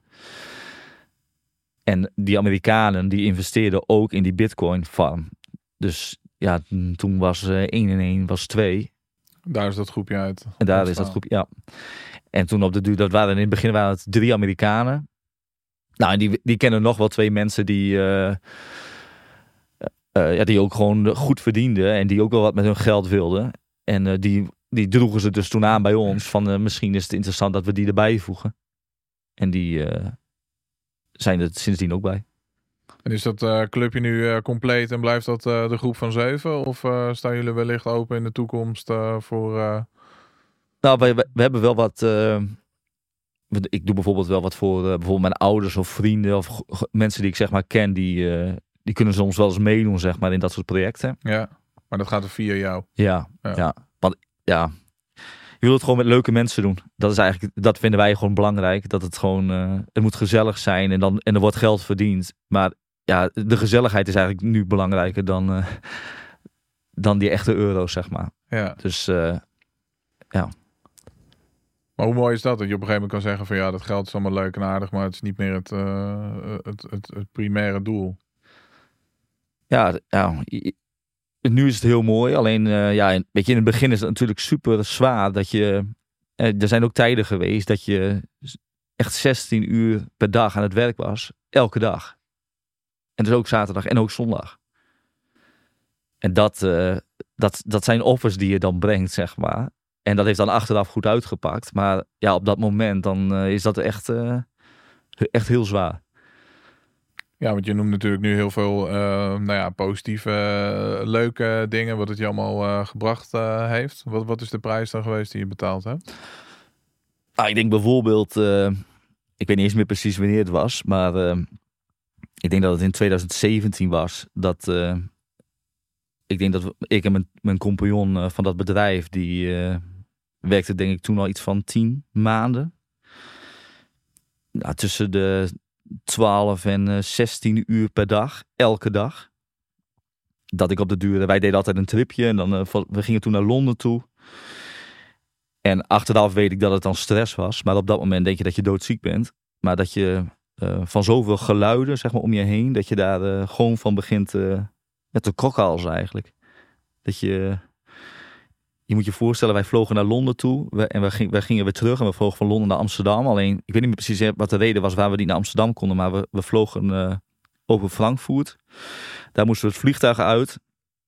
Eh, en eh, we moesten weer opnieuw inchecken. En daar, ja, bij die incheckbalie was het zo druk dat ik gewoon eh, ja, constant liep te kokhalzen van de stress. Ah, dan weet je wel dat je lichaam op de duur zegt van nou misschien is dit niet helemaal hoe het moet. Nee. En ik denk dat het een week of twee weken later was dat, je ook, eh, dat ik vier dagen in het ziekenhuis heb gelegen tussen eh, Sinterklaas en Oud en Nieuw. Omdat eh, ik dacht van nou, dit, ik, ik heb een of andere gekke ziekte. Maar die gekke ziekte, dat was dus stress. Ja. En ja, dat is wel een prijs die je dan eh. En, en was dat vooral van de lange dagen, de vele uren die, je- die je maakte? Of gewoon ook eh, het, het gevoel van verantwoordelijkheid dat dingen eh, Ja, goed gaan? ik denk dat het een combinatie van beide is. Ja. En eh, als je 16 uur op een dag werkt en dat je dus ook echt aan het werk bent en dus eigenlijk geen tijd hebt om te douchen, te eten, je huis op te ruimen, je overhemd te strijken, ja, dan eh, verwaarloos je eigenlijk dat soort dingen. Laat staan dat je niet eens kunt sporten, sociale contacten of eh, verjaardagen mee kan maken, zeg maar. Maar is het dan echt dat je geen eh, tijd eh, hebt of, of, of maakt? Want ook dat is een, een keuze. Ja, ja, ja. Op dat moment voelde het alsof je geen tijd had. En uiteindelijk heb je natuurlijk altijd zelf de keus. Dus je kan altijd zeggen van nou, het is nu genoeg. Ik neem bijvoorbeeld de woensdag en vrijdagavond werk ik niet meer, bijvoorbeeld. Maar als je op dat moment daar zo in zit, dan eh, Dan denk is dat dan- niet een optie. Nee, Dat, die bestaat eigenlijk niet. Daar wordt niet over gesproken. want jij zei wel van, eh, ja, er waren dagen dat ik om, eh, we hadden net even een kop koffie voor de opname, dat ik om half twaalf s s'avonds thuis kwam. Dan nog de administratie moest doen. Om een uur of half twee naar bed ging. En om, om zes uur zat ik weer in de auto. Ja. En niet één dag, maar eh, dag in, dag uit. Dat waren mijn dagen eigenlijk. Ja. En dan vind ik het niet heel gek dat je zo eh, Ja. gaat kokhalzen. Of dat eh, je overprikkeld raakt. Of, Ja, dus, ja, dat, ja, dat zijn dan prijzen die je dus betaalt. En nu, ja, achteraf gezien natuurlijk blij dat het allemaal gelukt is. Maar op dat moment, dan, zit, dan zit je er wel echt even door. Hoor. en wat is de impact daarvan op je relatie? Nou ja, op dat moment zie je elkaar niet. Zeg maar, dan werkte ik zaterdag en zondag werkte ik dan thuis. Maar dan zat ik op mijn kantoor en ik, dan sloot ik mij op. En dan was ik gewoon alleen aan het werk. En ik at mijn brood achter mijn bureau. En ik had mijn avondeten achter mijn bureau. Dus je, je ziet elkaar alleen bij het brengen van eten en drinken. Zo'n kwaliteit eh, relatie. eh, Nou, daar heb je een sterke vrouw voor nodig. Ja. Ja, die heb ik gelukkig, dus dat scheelt. Maar eh, die wist wel wat het doel eh, was. Ja, die ja. had dat, dat geloof en dat vertrouwen in jou. Ja. Maar je ligt daar in het ziekenhuis, die, die vier dagen. Wat, wat gaat er dan eh, door je heen? En wat heb je dan eh, sinds die periode toch al anders gedaan? ehm, Heb je iets anders gedaan? ja, minder werken. ja. die, toen was het wel snel duidelijk dat, dat, dat dit niet de normale gang van zaken was om oud te worden. Laat ik het zo zeggen. Dus ja, toen hebben we gewoon veel minder, eh, minder uren in het be- bedrijf gestopt. En gelukkig kon dat op dat moment ook. Eh, ja, ik bedoel, als jij eh, acht maanden lang zoveel uren maakt, dan mag je ook hopen dat dat Iets opleveren. precies, ja, ja. dat het allemaal niet voor niets is. Behalve een burn-out. Ja, nou ja, en dat deed het dus gelukkig. Dus dan was het ook, was de keuze een stuk makkelijker om te zeggen van nou, we gaan nu gewoon terug naar acht of tien uur per dag. En dan op een zondag niet meer werken, of op de zaterdag niet. Nou ja, dan, dan werd het allemaal alweer een stuk behapbaarder. Hoeveel uur maak je dan nu in de week, gemiddeld? Eh, durf ik niet, weet ik niet. Vind ik lastig. Niet bij te houden, nog steeds zoveel. Nou, weet je, het- ik denk dat, dat eh, zeg maar, bijvoorbeeld voor mij is, het is privé en zakelijk, dat, er- daar zit geen verschil tussen. Dus het is niet, eh, je komt thuis en dan ben je, is het alleen maar privé, zeg maar. Of eh, je bent op het, op, de, op, op het werk, zeg maar, en dan is het alleen maar zakelijk. Weet je, dat, dat- er spelen zoveel dingen door elkaar heen, dat je niet kan zeggen van, oké, ik eh, trek mijn schoenen uit bij de deur en ik laat mijn bedrijf achter me, zeg maar. Dat, eh, en dan hebben we daarnaast nog die investeringen die gaan. Nou, je kan wel nagaan dat als je met Amerikanen investeert, een leuk tijdsverschil. precies, die mensen die werken namelijk ook gewoon. Dus die komen bijvoorbeeld om zeven uur s avonds Amerikaanse tijd komen die thuis. Ja, En dan begint het. ja. En dat betekent dat het hier, Middernacht. eh, alsjeblieft. Ja. Ja. dus dat zijn dingen, ja, dat, dat, dat, eh, dat loopt. Maar het is een, veel betere balans nu. En als er dingen zijn met of eh, voor, voor je, je zoontje, want die is twee, dan, dan maak je daar echt ook tijd voor. Ja, ik, ik, wat ik bijvoorbeeld altijd probeer, en dat wordt hem vandaag helaas niet, maar normaal gesproken zorg ik ervoor dat ik om half vijf thuis ben. Ja, En dan ben ik er sowieso altijd totdat hij ook naar bed gaat. Dus zeg maar, dan, eh, hij, is, hij is bijvoorbeeld, eh, vandaag is hij op de opvang. Nou ja, dan eh, half vijf thuis. Ben ik het dus ook direct. En hij gaat om zeven uur, half acht op bed. En totdat hij zijn ogen dicht doet, is zijn vader er ook. en dan is het ook wel echt privé tijd. Ja, het is ja, niet zo dat je dan veel met werk Niks eigenlijk. investeringen. Nee. Dan is het echt tijd voor... Ja.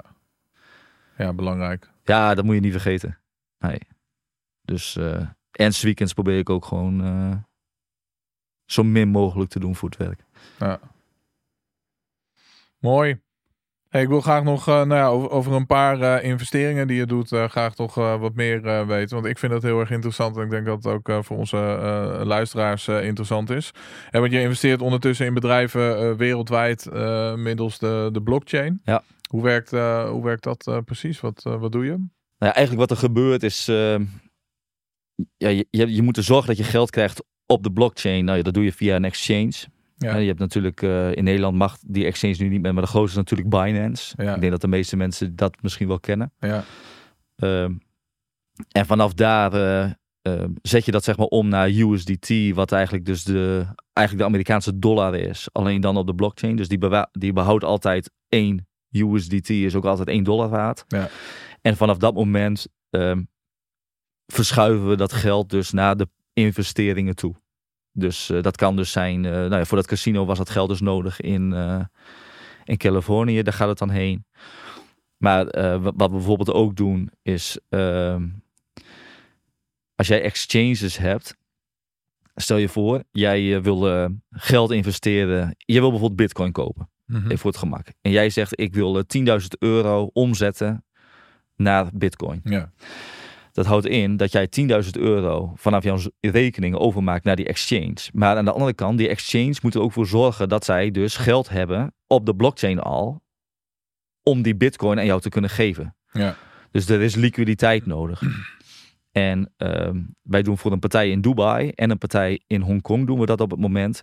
Verzorgen wij dus ook voor liquiditeit. Dus wij geven als het ware dus leningen in USDT aan zo'n exchange. Ja. En dan krijgen wij een deel van de fees krijgen wij weer terug als rendement. Dus je moet je voorstellen, jij stort 10.000 euro. En nadat jij die 10.000 euro gestort hebt, dan is het geen 10.000 euro meer waard, maar 9.950. Want er Mhm. zat 50 euro aan fees aan. Ja. Dat plak, pakte de exchange. Van die 50 euro is een deel voor ons als investeerders, omdat wij zorgen dat die exchange liquiditeit heeft. Ja. Nou, daar pakken we bijvoorbeeld een bepaald rendement op, dat doen we. Eh, we hebben dus dat, eh, die investeringen met die appartementen in Dubai. Ehm, we hebben eh, op Bali, zijn voornamelijk wat kleinere van die villa's, dat er allemaal aaneengesloten. Dat zijn vaak een stuk of 14 of 16. En die, die worden gebouwd, dus dat- we kopen dan de grond. Dan gaat een bouwbedrijf, eh, vaak uit de Oekraïne, die gaat daarheen om dat te bouwen. Nou, dat is vaak een bouwtijd van eh 14 maanden ongeveer.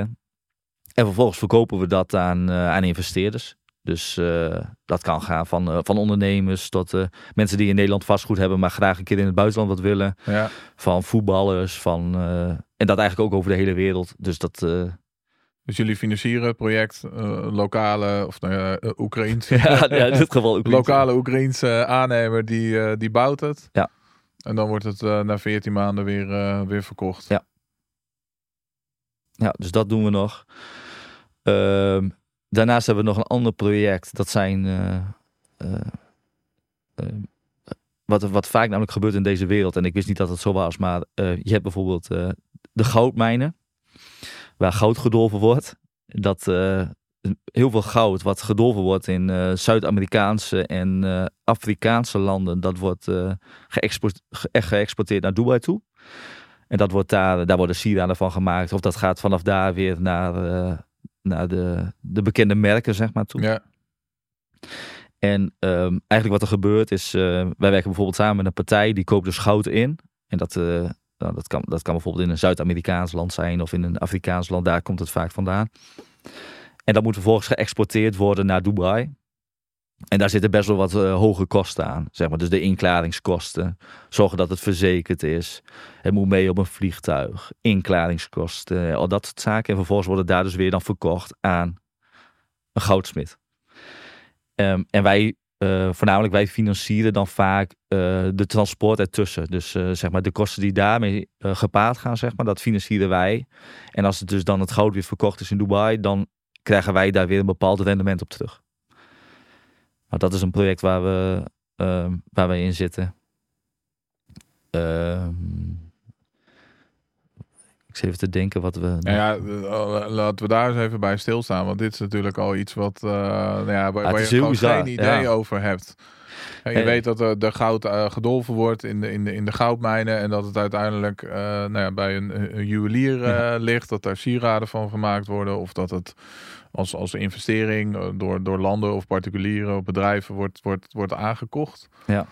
Maar over dat, dat eh, nou ja, transport en wat daarbij komt kijken. En, en eh, dat daar dus ge- geld mee te verdienen valt ook voor eh, ja, normale mensen. Om het zo maar even daar, daar, daar sta je niet best. Nee, Wat dacht jij toen je het eerst hier dan over hoorde? bizar. Je denkt dit, dit, Dit, dit- Ja, ik denk dat dat voor iedereen geldt die hier nog nooit mee te maken heeft gehad. Dat je denkt van. Ja, je je bent er eigenlijk gewoon even stil van, zeg maar. Dat je denkt, huh? Maar dacht je niet van, joh, ja, maar eh, dit, dit, dit is een, een, ik vertrouw dit niet. Of Ja, zeker. Om waar Ja. te zijn. Of, In het of- begin denk je van, nou, dit. Maar dat heb je natuurlijk best vaak. Dat je helemaal met dit soort dingen, dat je denkt, ja, hoe, eh, hoe kan dat? En als je het dan bijvoorbeeld hebt over vaak blockchain en crypto, hè, dat wordt natuurlijk allemaal in, in één gezien en wat er dan Ja. allemaal gebeurt. Er zijn zoveel negatieve dingen wat daar, eh, wat daar, wat daar gebeurt eigenlijk, dat, ja, dat je eigenlijk snel al een negatieve naam hangt aan dat plaatje. Dus ja, zo was ik ook in, omdat mensen het niet, niet begrijpen. ja, precies. En dat, Ja. ja. weet je, en dat was bij mij in het begin natuurlijk net zo. De, de eerste keer dat je in zoiets investeert of dat je daarin mee gaat doen, dan denk je ook van, ah, ik doe het maar met geld en ik eh, verwacht dat ik het eigenlijk gewoon kwijt ben. Dat is eigenlijk wat je, wat je doet. Ja, je neemt er afscheid van. En, eh, Nou, dat was mijn eerste keer dat ik investeerde. dat, ik, dat, ik, dat ik dacht van, ja, ik, ik stop het nu in een project. Nou, dus in die bitcoin miners. Met de gedachte van, nou, ik moet maar eens zien of, of het zo is zoals, zoals de documenten, video's, filmpjes en de gesprekken, zeg maar, eh, laten zien. Maar ik denk dat dat wel voor mensen die beleggen, sowieso moet je alleen beleggen met geld wat je kan, kan missen. Ja, Maar dat dat op zich wel goed en ge- gezond kan zijn om eh, nou ja, in ieder geval die, die emotionele band van, eh, te verbreken en er een soort van afscheid van te nemen. Wat Ja. niet wil zeggen dat je het niet terug wil zien. Laat dat duidelijk zijn. ja. ja dus ja, ik, ja in, in het begin zeker. Ehm, maar ja, naarmate je daar, en we doen het nu gelukkig al een tijd.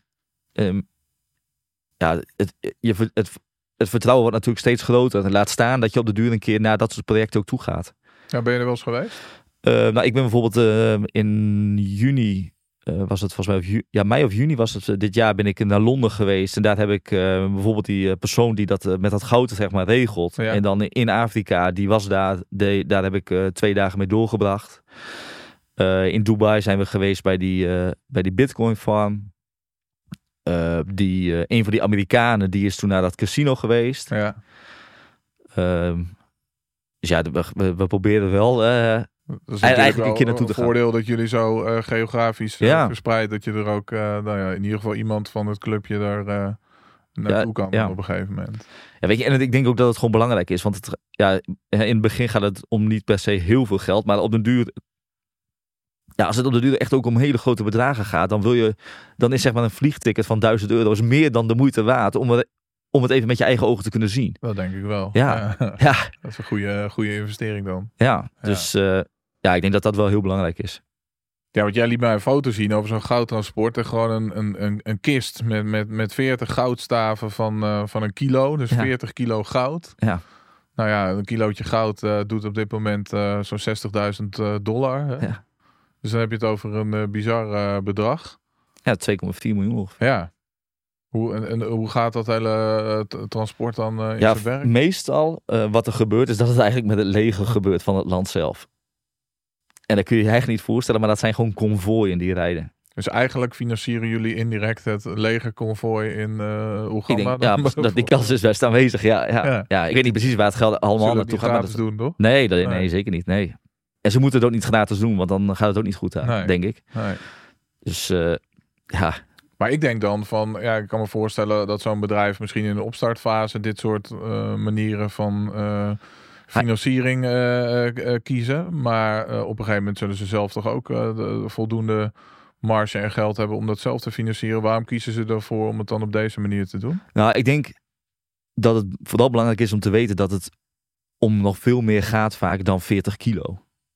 Zeg maar, 40 kilo wordt dus op, dat wordt zeg maar opgehaald bij één ophaalpunt van één mijn. Ja, En als je weet hoeveel mijnen er bijvoorbeeld in, eh, nou ja, laten we zeggen, Afrika zijn. En eh, als zij daar al maar een procent van, eh, van transporteren, zeg maar, dan, dan dat gaat over bedragen. Daar, daar heb ik nog niet over nagedacht, zeg maar. nee. Dus voordat je dan zelf zoveel geld hebt om dat te doen. En daarnaast is het natuurlijk ook nog zo dat het ook nog steeds gekocht moet worden. Hè, dus ze, ze moeten het ook nog steeds voorfinancieren, want ze kopen het van zo'n goudmijn. Dan is het dus in bezit van die partij. En Ja. vervolgens wordt het verkocht. In dit geval vaak in Dubai. En daar zit een marge tussen, maar dan heb je pas je geld terug. Maar als jij nu 40 kilo doet en je wil morgen ook 40 kilo doen. Ja, dan heb je voor die 41 kilo wel 2,4 miljoen nodig. En dat is alleen al dus de, eigenlijk de koopwaarde. Ja. Ja, want dat zullen ze ongetwijfeld ook eh, via dergelijke constructen dan eh, Ja. eh, financieren. Dan heb je nog wel wat geld nodig, zeg maar, steeds. Ja. Weet je, en het zijn ook nog wel eens langdurige trajecten. Dat is, het het is natuurlijk niet, eh, oh, we kopen vandaag goud. Morgen dan ligt het in het vliegtuig. En die dag erna is het verkocht. Nee. Weet je, dat zijn wel trajecten wat eh, soms, soms een maand duurt, zeg maar. Ja. Dat, En dus pas ook op dat moment dat jullie je investering plus rendement weer, weer terugkrijgen. Ja. Ja. Gaaf. Ja, dat, dat bizarre wereld. Dingen, ja. ja. Ja.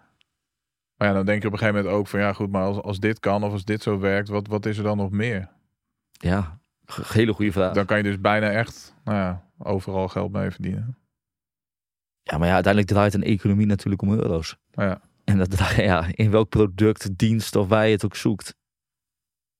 En overal waar het om euro's gaat, zijn de mensen die daaraan verdienen. Maar ja, je moet wel ehm, nou ja, die, die, die, die, die kansen zien, pakken, eh, creëren. ehm, En, dan, en ik denk dat je dan weer terechtkomt op, op, op wat ik eerder ook al zei. Dat het gewoon super belangrijk is dat je je omringt met mensen. Gewoon mensen die weten wat ze doen. En verstand hebben van hetgeen waar je mee bezig bent. Dat voorbeeld met die makelaar, met dat pand, precies hetzelfde. En dat is denk ik met dit net zo. En dat, dat, zal, dat, is, ik- dat is met jullie natuurlijk net zo. Jullie begeleiden natuurlijk superveel mensen met vastgoed. En die mensen die komen met een reden, komen ze bij je. Omdat je wat te leveren hebt. ja, En ze hebben je direct of indirect nodig om tot zo'n aankoop van zo'n pand te komen. Ja. Of ze zijn op zoek naar informatie, of ze zijn op zoek naar een netwerk, of noem het maar. Ja.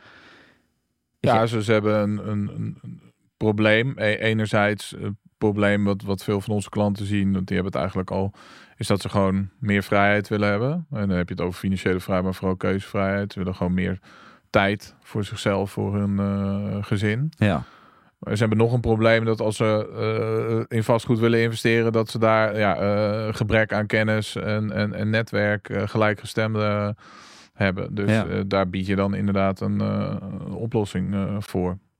Ja. ja. Net zoals jij dat eh, nou ja, met al jouw bedrijven Ja. in meer of mindere mate natuurlijk eh, doet.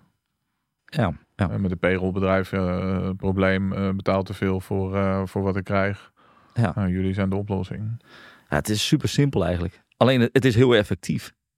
Weet je, en soms zie je dus dat, dat, eh, dat de meest simpele oplossingen het beste zijn. Maar daardoor ook voor veel mensen denk ik te complex. Omdat ze denken van ja, maar zo makkelijk kan het niet zijn. Dus ja, ja. En met beleggingen ook. Daar moet toch een gouden formule. ja, ja. Daar, daar, daar staan Ja. op zoek. Maar juist die simpele dingen, dat eh, zie ik, is voor de meeste mensen het moeilijkste om te doen. Ja. Dat is grappig. ja, heel bijzonder. Ja. Jeffrey, je bent 30. Je hebt eh, vijf eh, mooie, goedlopende bedrijven. Je hebt eh, wereldwijd eh, hele mooie investeringen, eh, partner, eh, kind. Eh, je bent naar vandaag de gast geweest in de Zo Word Je Steenrijk podcast. Wat is er nog te wensen over? Zo. ja. ehm, ik denk gewoon vooral genieten. ja? Ja, ik denk dat dat het... eh, ja. En Waar geniet je dan echt van? Wat zijn dan de dingen? ehm, opzetten van bedrijven. Is wel te zien. Ja. Ja, gewoon daar krijg je gewoon, ja, tenminste daar krijg ik gewoon energie van. En eh, weet je, in het begin eh, gewoon alles zelf doen, dat je, zodat je gewoon precies weet hoe, hoe alles in elkaar steekt, hoe complex eh, sommige dingen ook kunnen zijn. En je kan je voorstellen, nou weer als je het hebt over dat payroll, je moet eigenlijk elke CAO moet je kennen. Nou ja, ik weet niet of je ooit een CAO hebt gelezen, maar dat zijn nogal wat pagina's. ja. Ehm, dus weet, ja, ik vind het gewoon belangrijk. De meest eh, leuke stof. Nee, nee, het is verschrikkelijk eigenlijk. Maar ja, weet je, je moet het, eh, wij behoren het als speelbedrijf te weten. Want als je een klant hebt die eh, zich, die, een horecazaak die zich verloont, die de medewerkers verloont via een horeca-CO, ja, dan kun je als speelbedrijf niet achterblijven. En dus moet je precies weten wat er in zo'n horeca-CO staat. Ja, en ik denk als je dat in het begin helemaal zelf doet, dan is het ook zoveel makkelijker om op de duur de juiste mensen te vinden. Want je weet naar wat voor mensen je op zoek moet zijn als je precies weet hoe het zit. En ik denk dat dat, eh, ja, dat ik dat de komende tijd, eh, de komende jaren nog blijf doen, ja. En daarnaast gewoon eh, de investeringen blijven doen. En,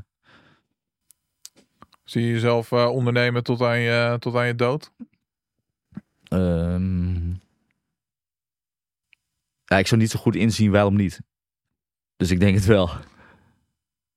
Tenzij je misschien door nou ja, gezondheid, omdat Ja, je toch precies. te veel werkt, eh, da- daarvan weerhouden wordt. Ja, maar ik weet ook, als je vier maanden op Curaçao bent geweest en je werkt nihil of niet, eh, daar word ik als persoon ook niet heel vrolijk van. Dus dat is het Ik ook kan me dat niet voorstellen bij jou, naar wat ik allemaal gehoord heb. Dat jij, nou ja, vier maanden daar op Curaçao. Dat was in het begin ook zwaar, dat moet ik zeggen. Ja? Ja, serieus. Ja. Helemaal eh, te shaken. Nou, eh, moeilijk slapen was het vooral. Dat je eigenlijk de hele dag al weinig doet. Want daar doe je niet zoveel. Want ik bedoel, Nou ja, loop even naar de eh, supermarkt heen en weer en je bent kapot. ja, Ja, door het klimaat en ook gewoon door de hele vibe van het eiland en zo. Ja, mensen maken zich daar niet heel erg druk. nee. Dus ja, dat was wel, een- dat was wel wennen, ja. Ik vind het wel interessant trouwens voor nou ja, westerlingen, zeg maar, om naar een dergelijke omgeving te gaan. Dat je gewoon ja, gedwongen wordt om heel erg te onthaasten. Ja, Ja. En, dat dat in het begin soms frustrerend is. Dat je heel denkt van, nou, dit moet toch sneller, efficiënter kunnen. Of schieten ze op. Of... Maar toch ook wel, tenminste als ik voor mezelf spreek, dat je er op een gegeven moment wel je weg in vindt. En daar ook wel gewoon in, in mee kan gaan. En toch ook wel de voordelen daarvan van ziet. ja. Ja, ik, ik, het, het, wat, wat me het meeste verbaasde was dat... Zeg maar, als je hier in Nederland een file hebt, dan vind je het verschrikkelijk. Nou, als je op Curaçao komt en je hebt die hoofdweg, Karkasbaaiweg. dan sta je altijd in een file. Ja. Altijd. ja. En op de duur is dat prima. de andere, Ja. Ja, weet je, op de duur denk je, nou ja, ach, we sluiten weer aan. En Eh, ja, ja. Ja, maar dat is eigenlijk wat je, ja, en daar, daar wen je dan op de duur aan. Terwijl als ik in Nederland in de file sta, dan vo- ik voel me dan wel enigszins gehaast. Ja. Ah, dat, heb je, dat leer je dan snel af hoor, als je eventjes op Curaçao bent en je rijdt af en toe die weg op en neer. Ja. Nou, mooi is dat. En, eh, ik denk dat dat ook... eh, Ja, en wat ik heel erg eh, lekker vind aan Curaçao is toch het tijdsverschil. Dat ja, om een uur of vier 's middags dan gaat Nederland zo langzaamaan op één oor. Ja, En dan ja, word je minder geappt, gemaild, ge- gebeld. En dan heb je gewoon lekker het eind van de middag en de avond eh, gewoon lekker eh, rust en voor jezelf. ja. Ja, en ook nog weer andersom, dat als jij 's ochtends wakker wordt, dan zijn de meeste ochtendproblemen die in Nederland zijn zijn, opgelost. die zijn opgelost. Ja, want ja, jij was niet bereikbaar. Ja. Dus dan, eh, ja, dan heb je vaak de middag. Nou ja, dan is het vaak, tenminste bij ons is het dan relatief rustig. En dan ga- ja, zit het werk er hier alweer op. En dan begint eigenlijk de dag op Curaçao. Ja. Dus eh, Heb je nog een laatste tip, laatste boodschap die je wil meegeven? ja, ik denk dat ik veel gezegd heb al. Ik denk het ook. Toch? Ja, zeker. Anders moeten ze het gewoon nog een keer luisteren. dat heb je niet goed opgelet. Ja. ja. Tiffany, mag ik jou eh, hartelijk bedanken dan. Ja, graag gedaan. Voor je tijd om eh, hier naartoe te komen. En eh, nou ja, zo spontaan op die uitnodiging in Ja, te dat was gaan. een leuke actie, toch? Ja? Mooi dat het zo kon. En was het, viel het mee, viel het tegen? Was het zoals je verwacht had? Eh, het viel mee eigenlijk. Ja?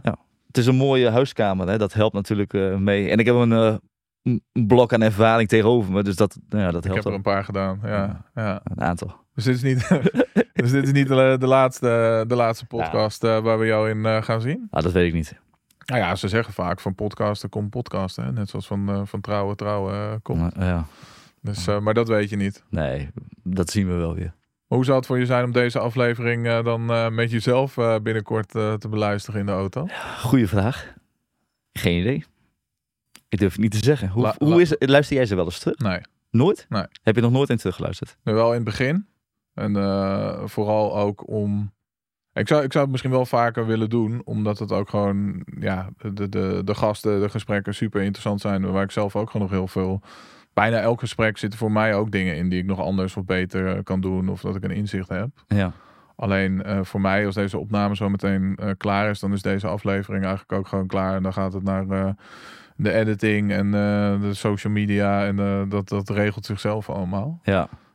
Ik, ik denk daar verder ook niet over na over hoe het ontvangen wordt. Precies het voorbeeld wat jij aanhaalt, dat er op basis dan van die podcast. Eh, jij denkt van hé, hey, dat Curaçao, dat is een eh, leuk idee, dat ga ik ook doen. Eh, ja, dat, dat, wat, wat de impact is, hoe het ontvangen wordt, daar, daar ben ik me nooit echt van bewust. Dat hoor ik dan op een evenement, dat iemand me zegt van joh, die podcast heeft me door de coronaperiode heen geholpen. Of dankzij de podcast, de laatste eh, Melina hier te gast, die dankzij de podcast dan de beslissing heeft genomen om die stap naar ondernemer te gaan nemen. Ja, dat vind ik super gaaf om, om te horen. ja. Alleen daar ben ik me nooit echt eh, van bewust. Dus eh, Zou je misschien toch wat meer stil bij moeten staan, denk ik. Ik denk dat je best wat impact hebt. In, bij veel nou, misschien meer dan, dan eh, dat, je, Ja. dat, dat je denkt of dat je weet. Dus mocht jij nou nog eh, leuke verhalen hebben met een inzicht wat jij gehad hebt aan de, de podcast of een stap die je hebt ondernemen, dan ja, vinden we dat altijd leuk om, om te horen natuurlijk. Ja. Ja. Maar ik zou het wel meer ehm, ja, misschien moeten doen. Ik heb het in het begin wel veel gedaan, omdat mensen me dat ook adviseerden om gewoon ook ehm, kritisch naar jezelf te kijken van hoe doe je dat en waar kan je verbeteren. Hoe voel je dat in het begin dan om dat terug te luisteren? Nou ja, zoals iedereen eh, dat vindt. Het is heel raar om jezelf terug te zien of te luisteren. Ja. Veel mensen voelen zich er ook oncomfortabel bij. Ik heb ook wel gasten die zeggen van ik, ik, ik durf hem niet terug te kijken, mijn, eh, de aflevering waar ik in zat. Of die dat heel lang uitgesteld Ja, hebben. ja. Is interessant, ja. Ik zie hem vanzelf een keer voorbij komen en dan eh, zeker. klikken we hem aan en dan zien we het wel. Ja, Leuk. Ja. Hey, dankjewel. Graag gedaan. Jou bedankt. Jij ook bedankt voor het kijken, bedankt voor het luisteren. Vond jij dit nou een waardevolle aflevering? Dan eh, kan je mij heel erg eh, blij maken door even dat duimpje omhoog te doen. Een comment achter te laten of ons een review te geven op, op Spotify.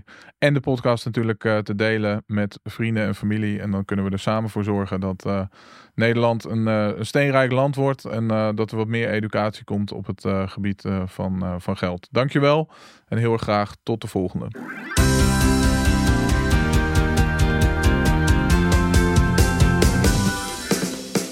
Superleuk dat je keek naar deze aflevering van Zo word je steenrijk.